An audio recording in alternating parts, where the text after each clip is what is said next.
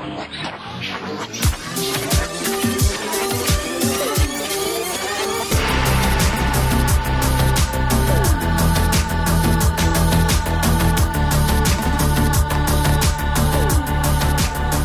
dere. Velkommen til nok en boyband-spesial.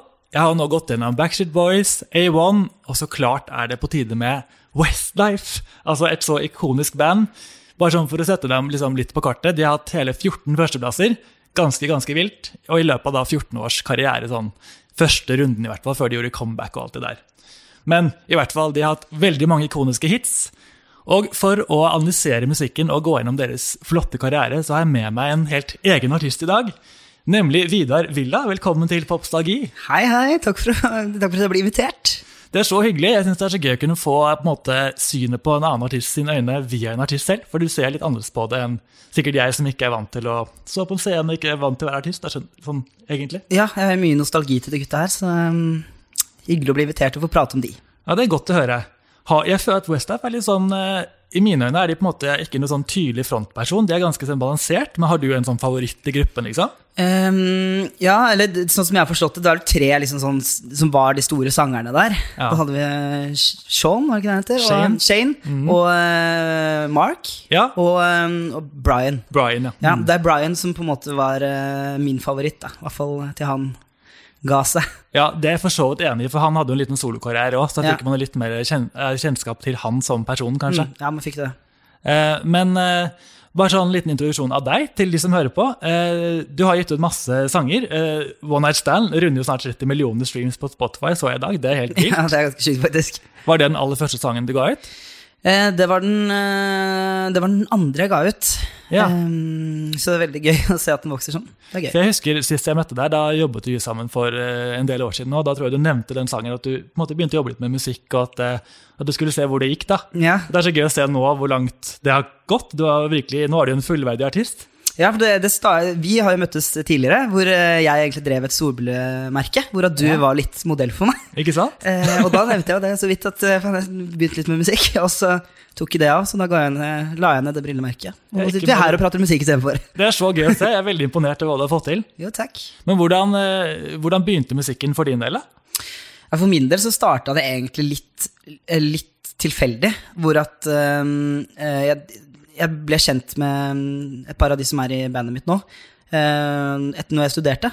Yeah. Eh, og syntes det var litt irriterende hvordan de eh, eh, var så flinke på gitar, og det var ikke jeg. så jeg begynte da å, å lære meg det av de, og de hjalp meg også litt med litt eh, tips and tricks. Ok. Eh, så begynte jeg å skrive litt eh, låter som er litt morsomt å spille på nachspiel, og det var egentlig bare det det var ment som. Ja. Men eh, da møtte jeg en fyr som nå er da manageren min, som syntes at det her var jo veldig morsomt. Vi må jo få gitt ut dette.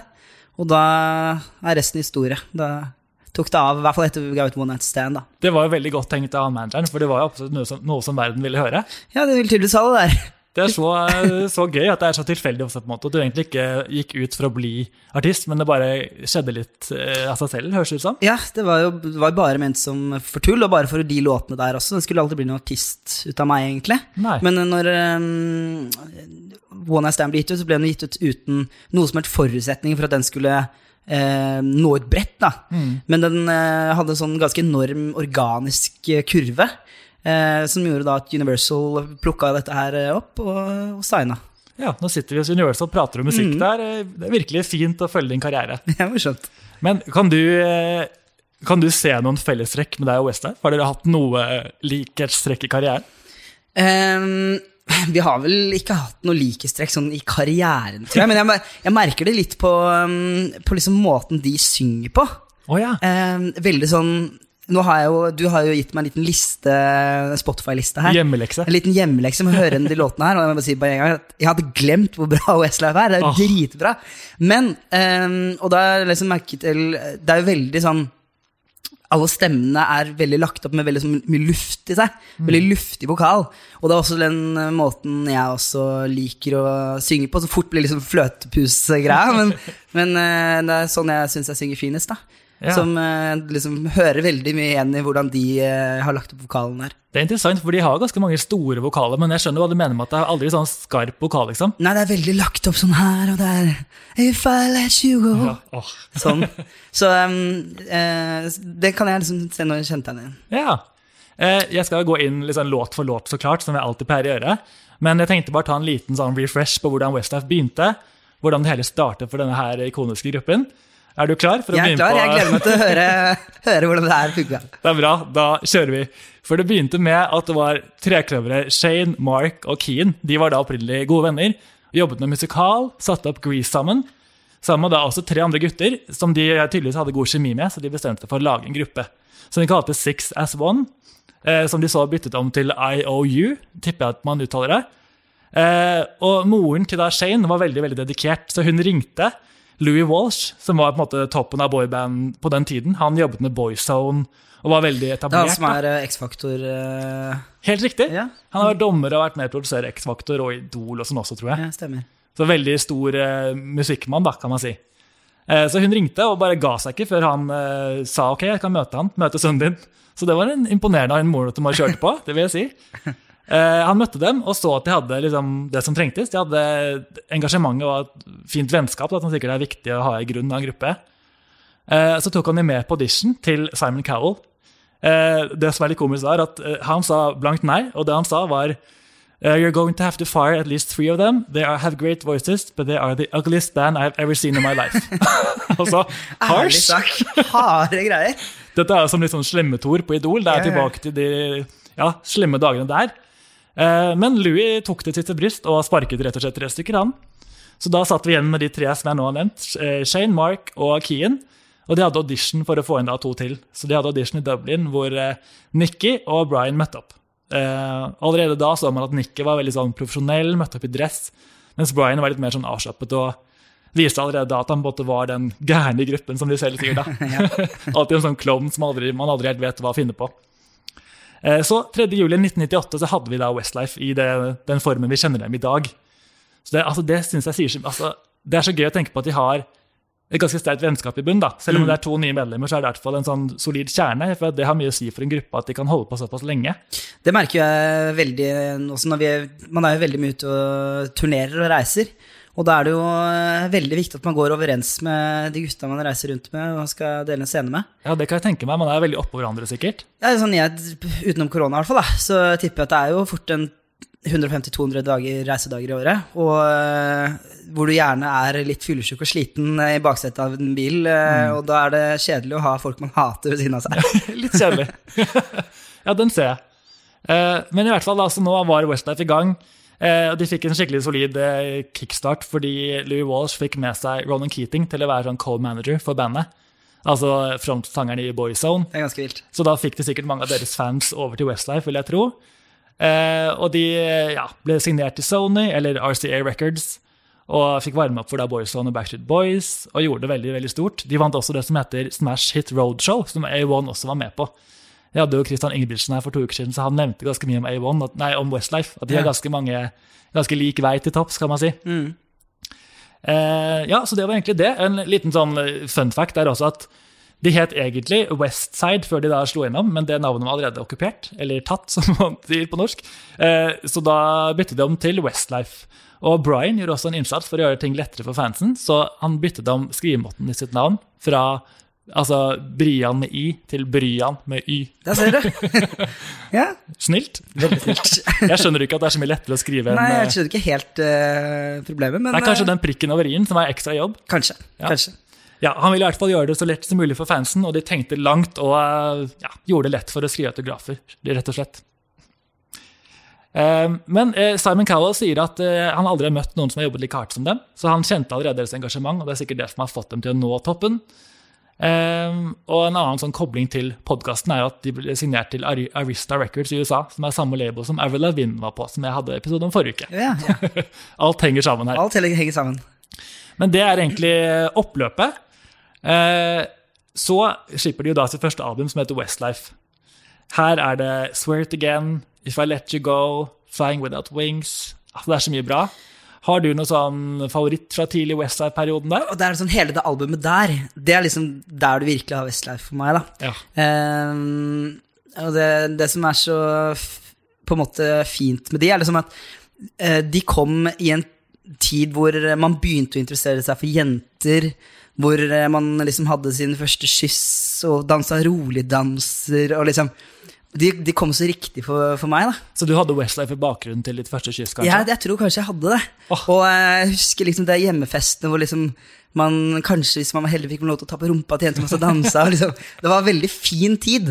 Og det, alle temaene de prøvde å synge om der, er veldig liksom eh, i, i, den, I den epoken veldig gode, da. Så, um, så både Swear It Again og eh, If I Let You Go der, der, det var liksom de to store, mener jeg. husker. Ja, og det er jo de første låtene. Swear It Again var første singelen. Den kom i april 1999. Gikk rett til førsteplass, som er ganske unikt for et eh, debutband. Ja, I Norge også? Uh, nei, det, det- denne låten vet jeg faktisk ikke helt hvordan de gjorde det i Norge, men de fleste låtene gjorde det veldig bra her også. Ja. Eh, den er laget av bl.a. Steve Mack, som har jobbet eh, med Ed Sheeran i Ja. Ina Wroldsen, for å ta inn en norsk her. ja. Og eh, Wayne Hector, som er han som har vært med å lage Nicki Minaj sin Starships. Oi. Det er Så det syns jeg er gøy, for det er ganske langt ifra Westlife-sounden, i hvert fall. Ja. Um, disse her låtene er litt morsomt å tenke på at Eller det fortalte Christian Ingebrigtsen meg i episoden, at de fikk høre mange av Westlife sine demoer når de skulle spille inn A1-låter, for da jobbet de egentlig med Steve Mack, de også. Men så ville jo A1 lage mye av musikken sin selv, så de, eh, og da ville ikke Steve på en måte gi sangene til dem, for han ville være den som skrev alt selv. De ville, altså, Westlife tok da imot disse sangene og gjorde dem til sine egne, så klart. ja. Men eh, jeg bare synes det var litt gøy å tenke på at A1 fikk også høre mange av disse demoene før de gikk til Westlife. da. De kunne valgt det, liksom. Ja, Det er altså det virker litt sånn. Ja, mm. Det var ikke det Kristian sa, at det var sånn vi sa nei, så det Ja, gikk de, men ja. han fikk i hvert fall høre mye av det. Ja, det er litt gøy å tenke på. kult. Ja. Eh, og i videoen her så er det jo på en måte veldig sånn Backstreet Boys i stilen. Mm. Husker du den videoen?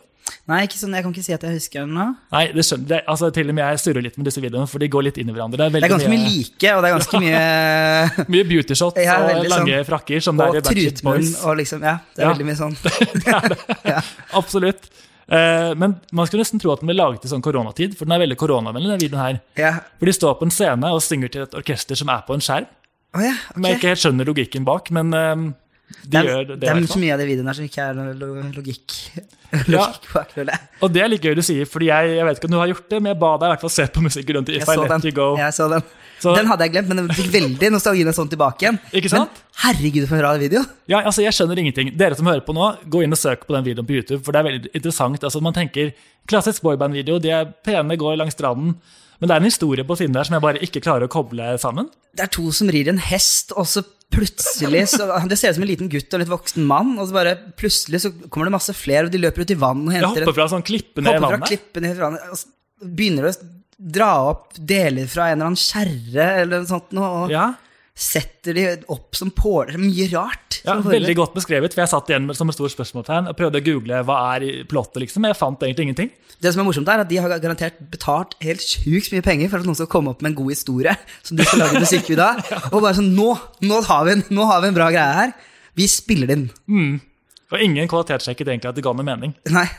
For Jeg trodde kanskje de skulle bygge et svært skip eller noe som kom opp av havet. Ikke at det hadde gitt så mye mer mening, det heller, men jeg følte det skulle bli til noe sånt. Jeg synes i hvert fall det endestykket der med hva de klarte å bygge, det synes jeg ble fryktelig rart. Ja, Litt antiklimaks. Litt antiklimaks. Men det er en av mine favoritt-Westlife-sanger, i hvert fall. Helt klart. Det er den um, som har gått uh, i repeat i hodet mitt nå i hele dag. Å, den er så fin! Uh, og jeg kan jo alltid spore mine favoritter tilbake til låtskrivere, for her er det selvfølgelig svensker i bak. Det er Jørgen Elofsson, Per Magnusson og David Kruger. Eh, dette her er noen av de som har vært med å lage Britney Sometimes. Oh, ja. Som for øvrig minner veldig i musikkvideoen også, egentlig, for det er veldig sånn strandtema og en veldig sukkersøt sound, da, kan man si. Ja, ja. Eh, og de har en veldig fin modellering på slutten av sangen. At eh, de, sånn, de tar inn et sånn lite gitarriff. Dere som vil høre, går inn 2.44 i låten, så kan du høre rund, og så kommer det løfter i låten til et nytt nivå. Jeg bare sier det, det er veldig fint. Ja, det er en god modellering. Ja. Det, det, er, det er ikke alltid at det liksom blir eh, godt tatt imot, men jeg synes det er en god modellering. Ja, de gjorde det smidig, flettet den inn veldig fint. Eh, men eh, nok om den sangen. Vi kan gå videre til eh, neste singel, som var 'Flying Without Wings', som er en veldig sånn ikonisk eh, låt for Westlife, føler jeg. Mm. den er da, jeg må si at jeg synes en- den her er på en måte en av de litt mer kjedelige, med fare for å fornærme fans. Ja, litt enig. Ja, Den gikk til førsteplass, sånn som eh, de to andre sangene også, så den gjorde det dødsbra. Og et eh, fellestrekk med en annen gjest i min podkast er at de her fikk med denne sangen på Pokémon-soundtracket. Akkurat som Marion og Marit i M21. Oh, ja? Det syns jeg var litt kult, da. Det var morsomt. Ikke sant? Eh, De var også det første bandet til å toppe listen tre ganger på rad med sine første singler, etter da Spice Girls og min favoritt Bewitched. Husker du dem? Nei, hvem var Det det? er de som hadde C'est la vie, c'est la vie, c'est la va. De stemmer. Ja, ikoniske. Ja, virkelig. Eh, eh, her er også videoen veldig sånn typisk millennium-stil. At de går opp en sånn nøye opplyst blå gang, veldig sånn som NSYNC i Bye Bye Bye. Ja. Og 18s Upside Down. Nå er det mye sterkere refer- referanser, skjønner jeg. Jeg blir litt ivrig. Men jeg er imponert over hvordan du eh, har så kontroll på musikkvideoene. overalt der. Det er, det er veldig bra. Altså, jeg kan det meste, men jeg har gjort litt research også. Det må jeg ærlig innrømme. Ja, det, er, det er godt å høre at ikke du bare kan alt her. Men det er jo noe, det som går inn i disse boyband-greiene. Du ser veldig med en gang at det er en boyband-musikkvideo. Det gjør man absolutt. Det gjør man. Det er ingen tvil. Nei. Eh, men har du, det glemte jeg egentlig å spørre om i starten, men sånn, hvis du skulle valgt et favoritt-boyband, er det Westlife eller er det noen andre? Kanskje litt sånn skummelt å si noen andre, men du skal få lov til å svare ærlig. Uh, jeg, eh, jeg vil vel si at det er kanskje Westlife jeg har hørt mest på, selv om det var Backstreet Boys som kanskje var liksom de mest og de største, da. Mm. Uh, men uh, nei, jeg tror liksom eh, Nei, Westlife var de største. Jeg føler på en måte Westlife er europeiske Backstreet Boys. Liksom Ja, egentlig. Ja, egentlig. Jeg, jeg, jeg fikk aldri Det var, det var liksom den flyttepus eh, og de romantiske greiene rundt det Westlife-greiene som tror jeg likte veldig godt. Ja, helt enig. Mm. Veldig glad i Westlife. Eh, her har jeg hørt et intervju med Mark fra Westlife, og han sier at eh, hans favoritt fra dette albumet her var Can't Lose What You Never Had. Som var hans, eh, det var en av de første sangene de, de spilte inn som band. Så egentlig skulle de gitt den som en singel i USA, men det ble aldri noe av. Så det er en liten fun fact. Ja. Og da har vi egentlig gått gjennom eh, første albumet, som solgte masse. altså Alle singlene gikk til førsteplass, og det var bare helt sykt stor suksess. Så man kan jo tenke at det var vanskelig å følge opp, men de gjør det Men nei, nei! nei, nei. De glimrer til med Coast to Coast. Også et Eh, kjempebra album. Veldig bra. Jeg tror det er min sånn favorittperiode som fan. Ja. Det er, eh, ja, det er de, to album, de to første der som var liksom den som eh, tok, tok meg. Ja, det er bra, fordi et, altså, Jo flere album vi går inn på, jo mindre fakta har jeg. For jeg fader Ja. litt ut. Det er bra, fordi jeg kan egentlig mest om to første. Så. Perfekt. Ja. Eh, den her, uh, dette var det albumet som gjør Spice Girls sitt Forever-album, altså det første albumet til Spice Girls som et firkløver, ikke nådde førsteplassen i England. Så det vil si at de, uh, Westlife på en måte danket dem ned fra toppen. Det skal jo litt til å slå Spice Girls, men det klarte de. Det klarte det. Så det sier mye om hvor store de var, og er, for så vidt. Eh, første singel her er My Love. Den er også veldig fin. Den er veldig fin. Mm. Den, eh, nå innser jeg at jeg har nevnt karaoke i flere episoder her, men eh, den her hadde jeg på karaokemaskinen hjemme. Eh, Hvor jeg, det var egentlig sånn jeg først ble kjent med Westlife. Jeg hadde den her i sånn veldig sånn billig karaokeversjon hvor jeg så en sånn dame som vandret langs en elv, og mens jeg da sang for full hals til My Love. Jeg, faktisk, jeg tenkte på det senest i stad. at, øhm, For jeg, jeg syns det er ganske gøy med karaoke. Ja, det gjør det. Eh, men um, jeg går fort til Backstreet Boys når jeg skal velge karaoke. Ja. Men det tror jeg bare fordi jeg ikke øhm, Jeg hadde glemt litt Westlife. Ja, for det er veldig karaokevennlig. Det er veldig karaokevennlig, og jeg kan de låtene, faktisk. Ja, neste gang. gjennom ja, så nå skal jeg over på Westlife når eh, det er karaoke. Vi kan arrangere en duettkveld Ja. når det blir mulig. Det syns jeg vi skal. Jeg gleder meg. Eh, Jeg har også innstilt at her kommer nok albumtittelen inn, fordi i sangen synger de jo 'Overseas and Coast to Coast'. Ikke sant? Der Ja, ja. har vi albumtittelen 'Coast to Coast'. Så dypt var det. Mm. Eh, Den her er også laget av den svenske gulltrioen jeg snakket om i sted. Jørgen Elofsson, Per Magnusson, tror jeg det var, og eh, ja, en til. Eh, Så de leverer jo alltid. Jeg klarer aldri å ikke like det de svenske mennene der lager. Jeg syns alt er så bra. Den kom altså ut før selve albumet kom, da, den sangen her, og det gjorde også duetten de har med selveste Mariah Carey. Visste du at du har en duett med henne? Visste, det visste jeg ikke, tror jeg. Nei, jeg hadde også helt ærlig glemt det, før jeg nå varmet opp til dette her. Det er en coverlåt av Phil Collins. Against all odds, take a look at me now. Ja. Mm. Så Det er litt gøy å tenke på at de har faktisk sunget en sang med henne. Jeg synes det er, ja, De har jo legender i hver sin rett, liksom. Men det er Ja, en gøy, en gøy collab. ja, det er to uh, legender som møtes der. Ja. Og eh, rundt denne tiden så begynner det å bli litt sånn forvirrende å se hva som var neste singel og ikke. Fordi de hadde litt sånn en singel som kom ut i England, en singel som var mer europafokus. Så det var litt sånn, de ble sluppet litt her og der etter hva markedene ville ha. da. Så man gjorde veldig mye på den tiden, og ikke alt var tilgjengelig overalt. Ja, ja, ja. Eh, annet, så jeg innså at de to jeg liker best, var ikke engang singler i England med det første. Blant annet I Lay My Love On You. Den er fin. Den er veldig veldig fin, synes jeg òg. Den har en sånn myk, fin melodi, eh, og den er jo laget av Max Martin. Så det er ikke Ja, rart den, da, da, da blir det bra, da. Da blir det helt perfekt. Ja. Eh, så, den, eh, så den var faktisk aldri en singel i England eller Irland. Irland. Og de har en sånn klassisk musikkvideo som de har til ganske mange videoer. At de har en sånn fanhyllest. At fansen kommer på en måte løpende til dem, og at de viser kjærlighet til fansen. og De har veldig mange fanvideoer, Westlife. Jeg syns det høres veldig klisjé ut. Ja. veldig sånn Det er rart, for ikke noe annet å gjøre er klisjé. Nei. nei. Ja, det passer perfekt. Det passer perfekt inn i deres image. Men her er også When You're Looking Like That. Er ikke det Og det er neste. Nå Det er er du spot on. Ja, bra. Den er så bra. Ja, men det er jo også en av yndlingene. Det er jo øh, en av de største hitene, selvfølgelig. Så Ja. Det er jo veldig lett å velge, velge den. Men øh, nei, det er øh, mye Jeg ser for mye sånn barn- barne- og ungdomsskoletid der. når jeg hører på den. Enig. Og den skiller seg litt ut, synes jeg, for den er på en måte mer en banger. De andre er mye mer sånn myke Det er en oppgitt, uh, veldig gladlåt. Ja, Det er litt sånn Westlife møter NSYNC. Ja, veldig sånn. Ja, og det elsker jeg jo. Jeg skulle gjerne hatt mer av det, egentlig. Helt enig. Den her var heller ikke en singel i England med det første, visstnok fordi det var en slags leak som skjedde innen den kom ut. Så jeg vet ikke om det betyr at sangen lekket, og de da valgte ikke å gi den ut. Jeg synes det høres litt rart ut. Det var en annen låt som var lik. Nei, altså, nei, jeg mente en engelsk lik som en lekkasje. Oh, ja. ja og lik, skjønner. Litt forvirrende. Ja, Men eh, jeg fant ikke så mye mer informasjon om det, men det var i hvert fall litt trøbbel ved release. da. Okay. Så den eh, ble gitt ut som en sånn singel på neste album igjen, for å på en måte gi den det livet den fortjente. Ok, skjønner. Og det finnes en spansk versjon. Kan du spansk? Nei, det er veldig dårlig. Jeg òg, så jeg vet ikke hvordan man sier det, men den heter Con, con lo bien kaller du det? Var jo helt plettfritt spansk, tror jeg. Her er altså en video med fans i fokus. Um, og faktisk ble den låten her aller størst i Danmark, så de leverte virkelig da. Det er gøy å notere. Ikke gærent. Ok, eh, nå har vi altså gått gjennom disse her to ikoniske første albumene. De har selv sagt at de ikke hadde så veldig mye musikalsk innspill egentlig, i disse, denne første perioden. Sånn som mange boyband har. da, At de ble sånn dyttet inn i en maskin og bare gi dette her. Men så kom album nummer tre, World of Our Own. Der sier de at de faktisk endelig fikk sette ned foten og gjøre litt som de ville. Ja, det, det er noe jeg alltid har tenkt, at det har vært veldig sånne der, eh, store labels som bare pusher ut hva de skal gjøre, og management, og veldig sånn pengemaskin, hele greia. Ja. Men uh, godt å høre at jeg fikk lov til å gjøre litt mer sjæl etter hvert. Men har du kjent noe på det når du lager din egen musikk? At etter hvert som du gjorde det veldig bra, har du fått mer liksom, folk som prøver å styre deg i en annen retning enn det du selv vil? Nei eh, ja, Nei, jeg vil vel egentlig ikke si det. Jeg har um, Litt, kanskje. Eller sånn på, eh, på den tiden, i starten i hvert fall, så var det veldig um, Når One Night Stand gjorde det bra, da, for å gå tilbake inn dit, så um, så var fokuset veldig å, å skulle nå ut bredest mulig. I og med at da hadde vi flere låter på toppen av listene. Og eh, da var fokuset veldig på liksom fest og moro og litt tullete tekster, ikke sant?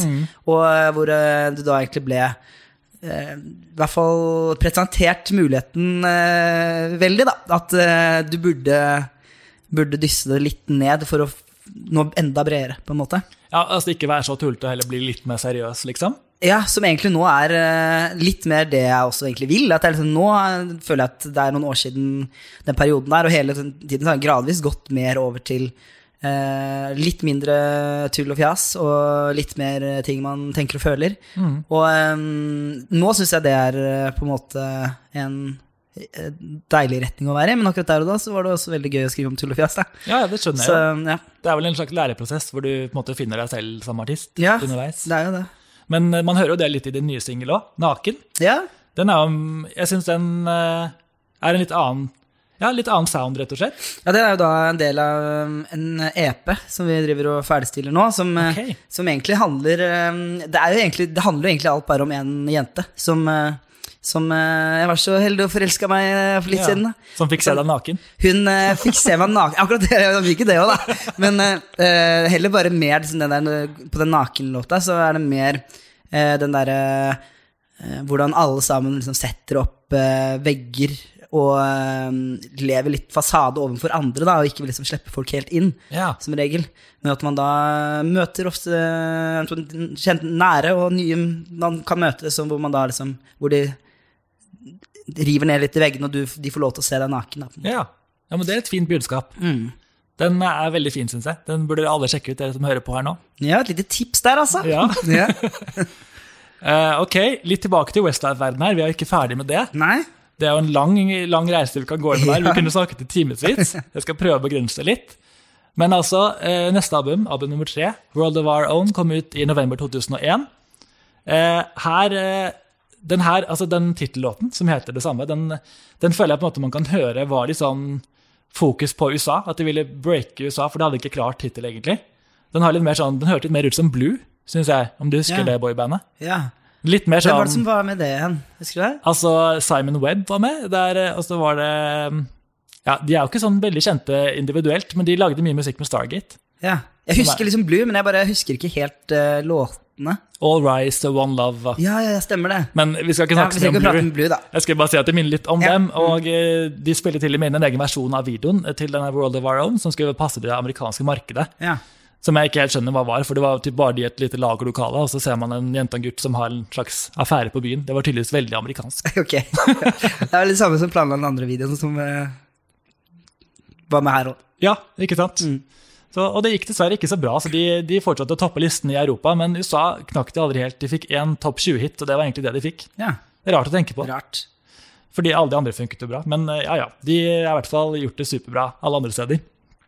Eh, og eh, hovedsingelen på det albumet her var egentlig Uptown Girl, som jeg har forstått. Altså, som sagt, så surra jeg litt i rekkefølgen, for det var så mye sånn double side, plutselig kom When, I look, eh, when You're Looking Like That ut igjen. Jeg bare mistet litt Ble, oversikten. ble litt rørete der. Litt rørete. Ja. Eh, men Uptown Girl er jo en sang alle kan, både før og etter Westlife-coveret vil jeg si. ja. Det er en av de jeg føler at jeg liker minst. Eller sånn, hvis du jeg, jeg skjønner at folk liker den, for det er jo en gladlåt, og det er kan, liksom, det er en lur låt for de å gi ut. Ja. jeg, jeg likte den sikkert litt på den tiden der, men det er, bare, det er den jeg koser meg minst med å høre nå, i hvert fall. Den er på en måte veldig, den er jo ikke Westlife heller, føler jeg. Det er det som er litt kjedelig, at det er en coverlåt som Ja. er såpass tro til originalen at man tenker sånn Ja, og da, den føles veldig ut som en sånn derre eh, corporate eh, triks, hvis du skjønner hva jeg mener. Veldig sånn Ja, Bare sånn, nå skal vi toppe listene, for Ja. den her kan alle. Vi gir den ut, liksom. ja veldig Ja. sånn. En billig cover, liksom. Ja. Og det var en cover av Billy Joel som var nesten helt lik originalen, bare at de droppet en repetisjon, repetisjon av verset, som ble litt kortere og litt enklere å fordøye, rett og slett. Ja. Så, eh, og de hadde med seg Claudia Schiffer i videoen, som eh, Oi. ekte supermodell. Det er alltid triks. Det er alltid Alltid triks. triks. Det trekker litt seere, det. Ja, det gjør det. Men vi kan gå videre, siden den ikke var noen superfavoritt. En, en veldig rørende sang på dette albumet er Queen of My Heart. En veldig sånn seig, men fin ballade. Ja. Husker du den? Jeg hørte på den på vei hit. Ja, Hva syns du om den, da? Um, der er vi også tilbake på den roligdans-epoken. Veldig. jeg syns det er en uh, Som eh, mye annet av Westlaff, det er en eh, Jeg føler ikke at den Den er veldig fin, men jeg føler ikke at den egentlig liksom gir meg så veldig mye nytt. da Så skal jeg egentlig ikke på det albumet gir meg sånn veldig mye nytt der, kanskje. Nei, jeg skjønner hva du mener. Den, min favoritt på albumet er nok World of Our Own, for den er litt mer sånn Litt nye beats og litt annet Mm. Ja. sound. Bitte litt, i hvert fall. Ja. Men eh, Queen of My Heart den ga meg, ga litt ny, fikk litt ny betydning for meg da jeg så, jeg så på deres sånn siste konsert, som de hadde i 2012. Ja. Så jeg på nå forrige uke for å varme opp til dette her. Og da velger de å bruke den sangen her til å ha en sånn nummer hvor de tar ut sine foreldre, tar ut barna sine på scenen. ja, det er litt fint, da. Og altså, jeg begynte å gråte masse. Det, det pleier jeg aldri å gjøre. Ja, det er kjempekoselig. Så da ble jeg sånn, plutselig elsket jeg den sangen her også, for det var så rørende å bare sette det i den Ja. settingen, liksom. Ja, men det, hadde, det, det, er, det er det med, Westlife, at det er ofte settinga som er med på å skape betydningen for det. Ja, det er det. Man må ha hele pakken, liksom. Det funker ikke bare med sangen alltid. Nei. Um, det er også en sang her på albumet som heter Bop Bop Baby. Bop Bop Baby. Den, har jeg, den kan ikke huske at jeg har hørt engang. jeg hørte Nei, du hadde ikke den her. Nei. Jeg tror ikke den var så kjent i Norge, og den kom til og med bare sier jeg her med hermetegn, bare på femteplass i England. Ja. Så det var et nederlag til hver dem. Ja. Og bandet skyldte dette på at de allerede hadde spilt inn en video til sangen Why Do I Love You, men de, noen ville endre planene, så de endte med å gi ut en helt annen sang. ja. Veldig rart når de hadde en video og greier. Og her har de laget en skikkelig sånn storslått middelaldersk video hvor de er i et uh, slott. Uh, altså Den er en veldig komisk intro på den. Jeg har skrevet den her, for de har sånn, Det er litt som en sånn trailer. da, Den begynner sånn Once upon a time. Og da sier de Skal jeg bare lese litt her? Yeah. Once upon a time in a kingdom far, far away, when men were still men, women were still virgins, and sex was still sexy. Altså, rar start. There lived a beautiful maiden who wished to marry for love, but her father wanted to, her to marry the vilest man in the kingdom for cold, hard cash. Only the mighty musketeers could save her. Så der har vi plottet, da. De er the musketeers som kommer inn for å redde denne her maiden. Det er dypt, ikke sant? Det er dype greier, ass. Så den, eh, hvis dere vil ha en skikkelig sånn cinematisk opplevelse, gå inn og kikk på den filmen. Den er Ja. ganske interessant. Men jeg skjønner at jeg skal dykke mer ned i musikkvideoen når jeg kommer hjem nå. altså. Ja, det er mye altså, Mye gull der. Det er ikke bare beautyshots og lange frakker, det er iblant middelalderdrama også, som det Ja, her. det skal jeg ha med. Og her skulle egentlig Naomi Campbell være hovedpersonen, den kvinnelige hovedrollen, men hun eh, ditchet i siste liten, dessverre. Kjedelig. Ja, så det fikk vi aldri se. Eh, De velger selv ut eh, låten eh, I Cry på dette albumet. som De sier at dette er på en måte som viser hvor modne vi har blitt, og hvor langt vi har kommet musikalsk. Så den betyr tydeligvis mye for bandet. Selv så syns jeg ikke den er sånn utrolig mye mer moden enn de andre, men den har en litt sånn fin latin gitar inni der, som jeg alltid er litt svak for. Her er Brian allerede ditcha, er det ikke Nei, det? ikke enda. Ikke ennå? De slipper, slipper først eh, låten Unbreakable, ironisk Ja, nok, for å vise sånn, vi skal ikke splittes. Aldri inne, aldri. Men så plutselig skjer jo det. Ja. Så de slipper da Greatest Hits-albumet Unbreakable med singelen Unbreakable, som går til førsteplass. De gjør det kjempebra og på en måte står imot ryktene om splitten. Det er liksom litt det samme som når du ser eh, par som du vet gjør det skikkelig dårlig. Bare legger ut så sykt masse på Facebook om hvordan 'Å, vi er så lykkelige sammen, jeg elsker jenta mi'. ja. Samme greia gjør de Plutselig kjøper de hund i sånn Ja. desperat forsøk. Ja, det er det desperate forsøk der. Det, det er unbreakable. Ja. Godt poeng. Eh, men eh, ja, de gjorde det veldig bra musikalsk, men da etter faktisk ett album til, så trekker Brian seg. Altså, det er en stund til. Altså, de holdt på et par år til. Eh, men vi kan gå til det bruddet der, for det er ganske dramatisk. Eller altså, det, skjedde, det virker ikke så dramatisk ut, men det var veldig stort for fansen. Og hans quote er bare at han sier 'time to hang the boots up'. Enkelt og greit. Jeg synes det var litt komisk. Og han sier selv at han bare Han klarte rett og slett ikke å synge om en jente som heter Mandy, når han ikke engang har møtt en Mandy i virkeligheten.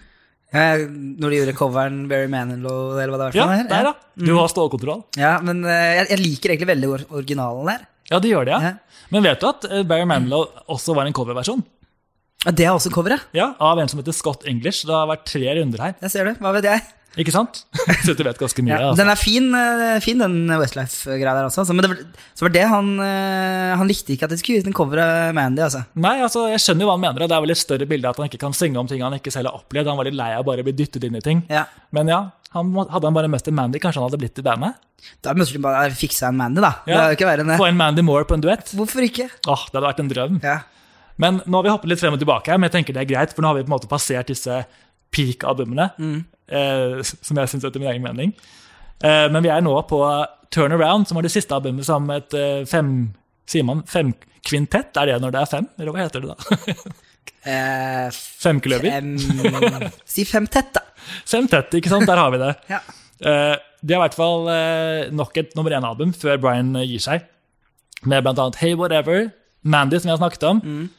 Ja, og Mandy har en sånn litt morsom historie, for det er en myte om at den sangen handler om Barry Manilows hund. Som jeg ikke helt skjønner i og med at Scott English skrev den fire år før. Eh, og Scott English selv har sagt at den heter egentlig Brandy. Eh, og han, det var bare, han sa at den handlet om en hund fordi det var en journalist som ringte ham veldig tidlig på morgenen. Og sa sånn, hva handler sangen om? Og så gadd ikke han svare som bare ville si noe som fikk det til å legge på. Som bare, it's, it's about my dog. Ja, ja, godt jeg stikka, da. Ja, Så det er en veldig rar historie. Jeg tror nok ikke det er det Westlife synger om. Jeg føler jeg har lagt en annen betydning i den. sikkert. Ja, det har du nok sikkert, men eh, det er en fryktelig fin låt, da. Den er veldig fin. Ja.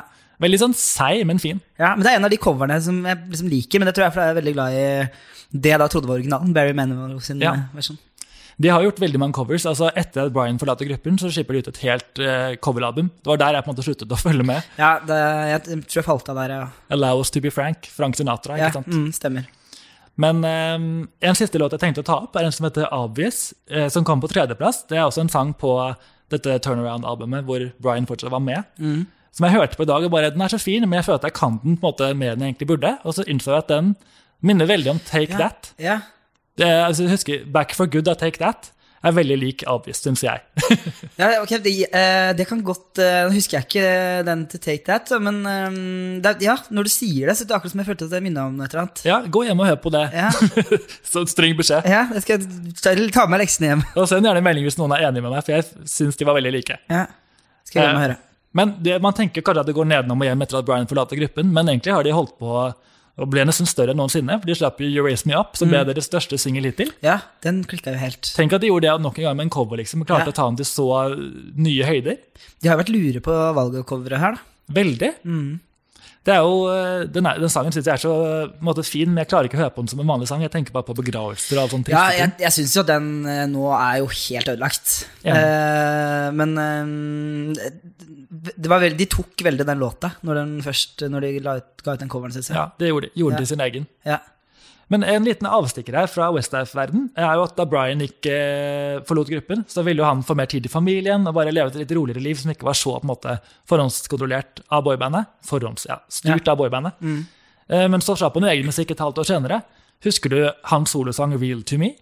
Uh, jeg, eh, jeg, hadde, jeg hadde ikke klart, uh, klart Hadde du bare sagt til meg nynn på den, Ja. hadde jeg ikke klart det. Men uh, jeg har jo fått litt lekser av deg, og ja. jeg har jo jeg hørte gjennom den.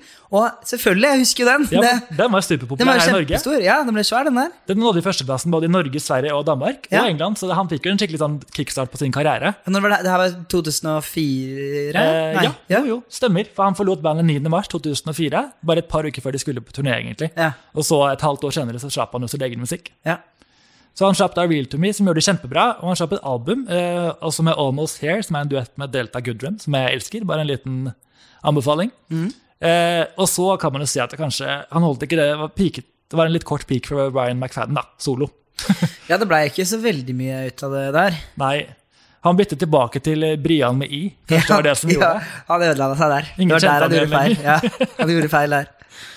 Eh, og så, ja, så har vi kommet til dette punktet hvor det blir firkløver. De eh, gjør masse covers og er egentlig veldig store, og de spiller helt frem til 2012 før de bestemmer seg for å gi seg. De spiller sin siste konsert i Dublin, hvor de solgte ut to kvelder på rad med en kapasitet på 80 000 publikum hver kveld. Det er ganske vilt. Det er ganske vilt, ass. Så det var den konserten jeg så på da jeg sa at jeg ble så rørt av at de sang Queen of My Heart. Ja, Det var veldig, veldig rørende. Skal teste ut. Skal sjekke ut.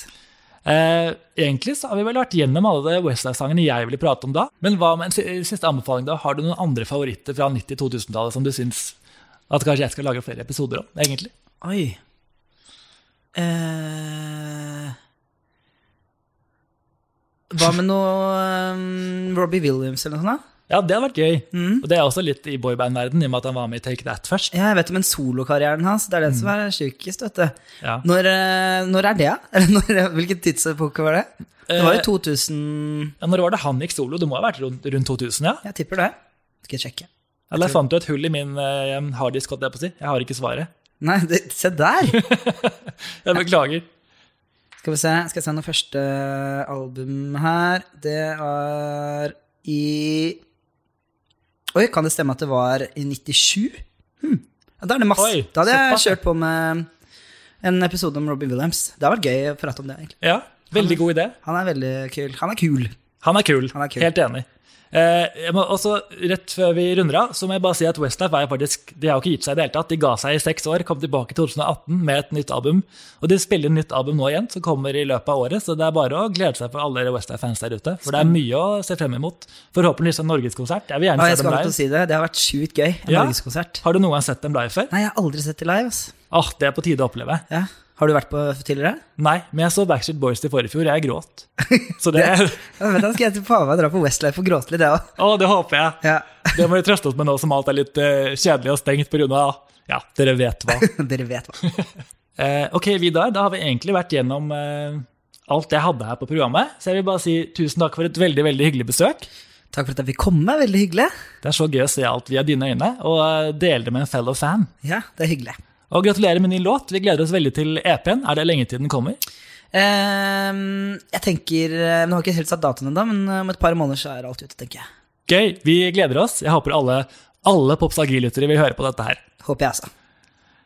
Ok, da får jeg bare si takk for at du har hørt på episoden. Du har hørt på Popsagi med meg, Erik Rydning, og jeg er så takknemlig om du går inn og gir meg en rating eller en liten anmeldelse. Det hadde vært så, så hyggelig. Tusen takk!